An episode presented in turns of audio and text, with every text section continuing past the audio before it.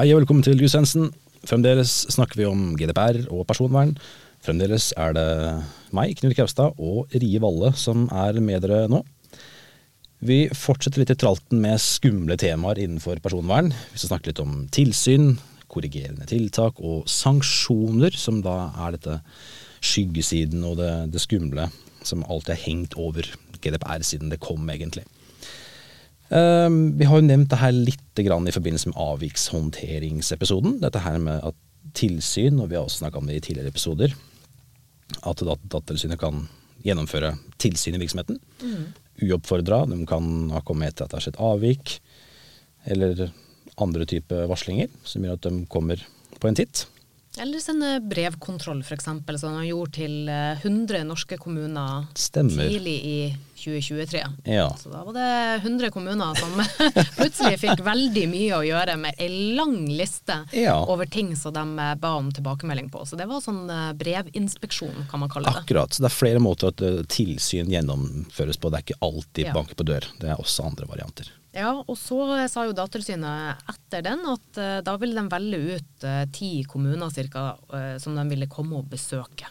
Aha, ok, skjønner. Ja, Skummelt, men helt nødvendig. Ja. Det, det, jeg husker jo fra når GDPR starta opp, så hadde, jo, hadde jo Datatilsynet en litt mer laid back holdning til tilsynet. Det var mer veiledning for å sørge for mm. at sektoren skulle forstå og bli trygg på regelverket før man da kom som politi.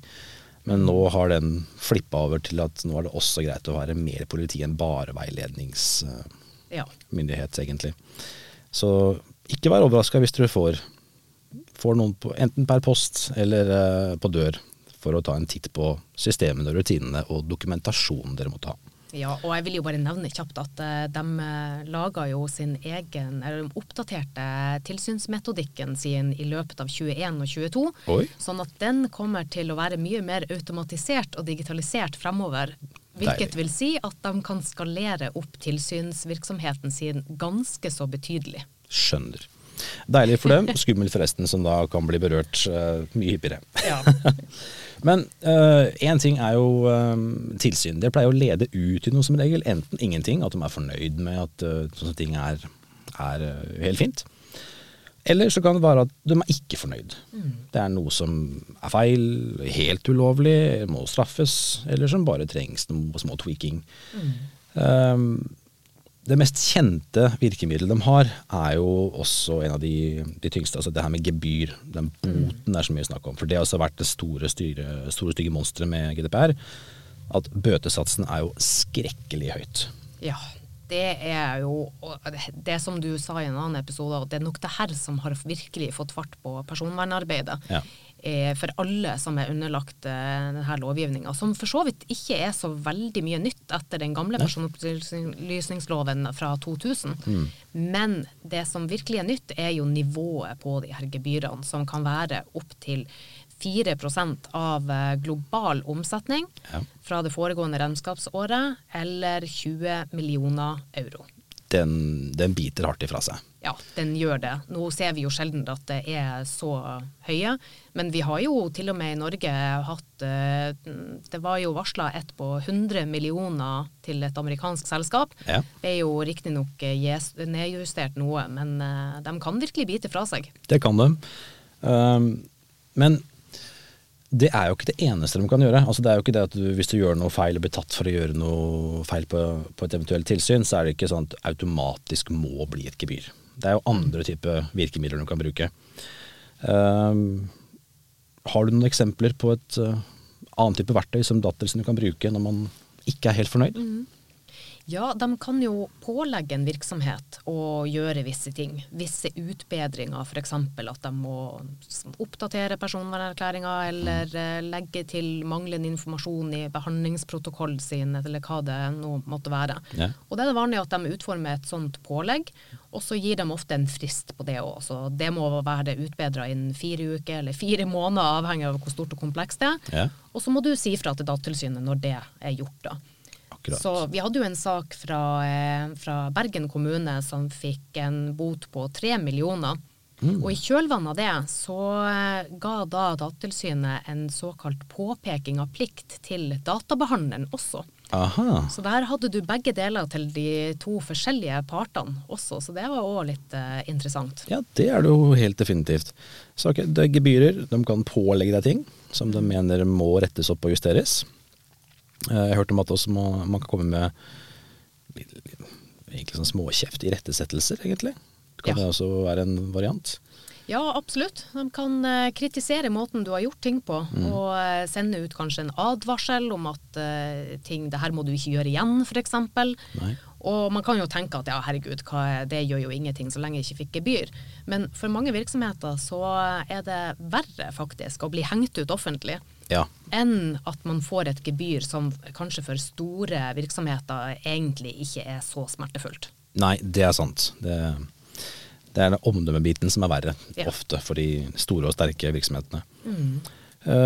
Du har også nevnt en sånn typisk eh, Et virkemiddel som er ikke hyppig brukt, men som er eh, litt sånn nuclear-nivå eh, Ja. med for å by en behandling. Ja, det, jeg bruker å referere til det er liksom the nuclear bomb of ja. the GDPR. Det er forbud mot behandling. Okay. Så et datatilsyn kan faktisk gå inn og si det der, det får du faktisk ikke lov til. Det Nei. må du slutte med umiddelbart. Ja. Og det eh, vil nok ha en vesentlig større konsekvens for en virksomhet som har betydelige finansielle ressurser f.eks., Ja. eh, enn et eh, overtredelsesgebyr, som faktisk veldig mange virksomheter nå budsjetterer for. Eller jeg skal ikke si veldig mange, men vi vet at eh, store aktører som f.eks. Meta, Ja. tidligere Facebook, har faktisk satt av i budsjettene sine penger til å betale de her gebyrene. Det er for så vidt sant. Ja, er, de store internasjonale selskapene som primært er forankra i USA, er jo, Mm. de er ikke spesielt glad i GDPR. Nei, det, det, det, jeg vil nok ikke påstå det, nei. Nei. Så den her forbud mot behandling det tror jeg kan være et eh, mye bedre virkemiddel.